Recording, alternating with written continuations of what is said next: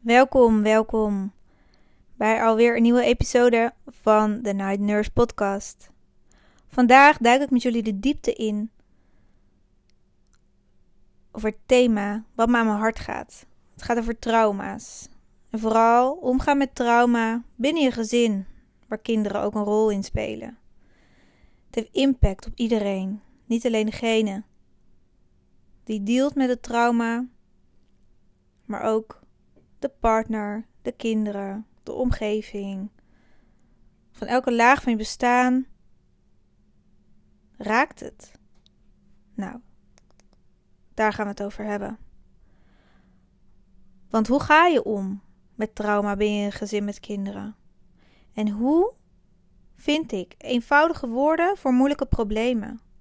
Het zijn vragen die in je hoofd kunnen afspelen op het moment dat een diagnose als posttraumatische stress zo je huiskamer binnenvliegt. En iedereen dealt met stress in meer of mindere mate. En stress is ook heel gezond. Vooral als stress komt als een soort golf die zijn piek bereikt en dan langzaam weer zakt. Of snel weer zakt. Zelfregulatie noemen we dat. Dat houdt de balans. Maar wat nu? Als je getraumatiseerd bent in je verleden en dat dat gevangen blijft zitten in je lijf. Want dat is wat er gebeurt. Het kan niet als een golfbeweging door je lijf gaan en je lijf weer verlaten. Trauma die blijft hangen, blijft letterlijk vastzitten in je lijf, tot op celniveau. En dat maakt dus dat mensen jaren later last kunnen hebben van trauma's die ze eigenlijk niet eens meer bewust zijn. Je lijf reageert, zweet breekt uit, je reageert geïrriteerd, je voelt je gespannen. Misschien begint het met een simpele spier, nekpijn, hoofdpijnklachten. En omdat er al zo'n tijd verstreken is, leg je niet altijd meteen de link. En dat maakt het complex en minder overzichtelijk. Een aantal jaar geleden schreef ik het kinderboek Papa's Paraplu. Omgaan met PTSS, posttraumatische stress, binnen een gezin met kinderen. Dit boek heb ik geschreven vanuit de ogen van de vierjarige Lisa. Zij neemt je mee in een dag vanuit haar leven. Het is een interactief boek. Die ondersteunt je als ouder bij het bespreekbaar maken van de invloed van PTSS binnen het gezin. In eenvoudige kindertaal en met alledaagse voorbeelden. Want de impact van PTSS in een gezin is echt niet misselijk. Het vraagt om aandacht en ondersteuning. Maar ja, makkelijk gezegd, maar waar begin je dan? En wat kun je vragen? Aan wie? Dit zijn vragen die ik ooit in mijn dagboek schreef. Nu terughaal en deel met jullie. Dit kan namelijk een eerste stap zijn naar een handvat. Deze podcast, wat ik met je deel, of het boek zelf om te grijpen, als je de woorden niet kunt vinden. Of juist je kind zonder te praten toch via tekeningen zich kan laten uiten. Het is mijn bedoeling om samen te leren en beetje bij beetje te leren begrijpen wat er speelt. Ook al krijg je er geen grip op. Nog niet. Wat er onzichtbaar is, lijkt zo ongrijpbaar. Maar dat betekent echt niet dat je niets kunt doen om toch vast te grijpen waar je invloed wel ligt. Laten we niet vergeten dat ziek zijn in je hoofd niet zoiets is waar je even over praat tegen de buurvrouw, bij de bakker of juist op het schoolplein. En mensen zien niet aan je wat er van binnen speelt. En de momenten dat je al buiten bent, als je deelt met trauma's en echt niet lekker in je vel zit, letterlijk niet. De momenten dat je op je best voelt, hoe klote dat mag zijn. Maar dat zijn de momenten dat anderen je zien. En de plekken waar je komt zijn juist de klachten die je hebt bij trauma's gewoon aanwezig. Er is geen knopje die je even uitzet. ermee leren dealen zelf. En je omgeving ook. Want zoals ik al zei, het heeft impact op iedereen.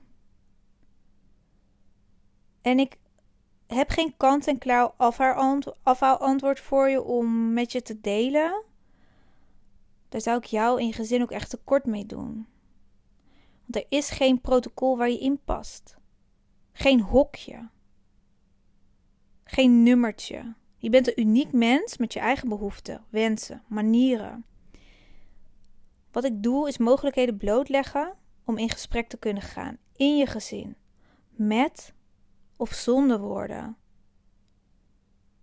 Maak je los van ideeën over hoe je ergens over in gesprek moet gaan of hoe het hoort. Communicatie gaat over zoveel meer dan dat.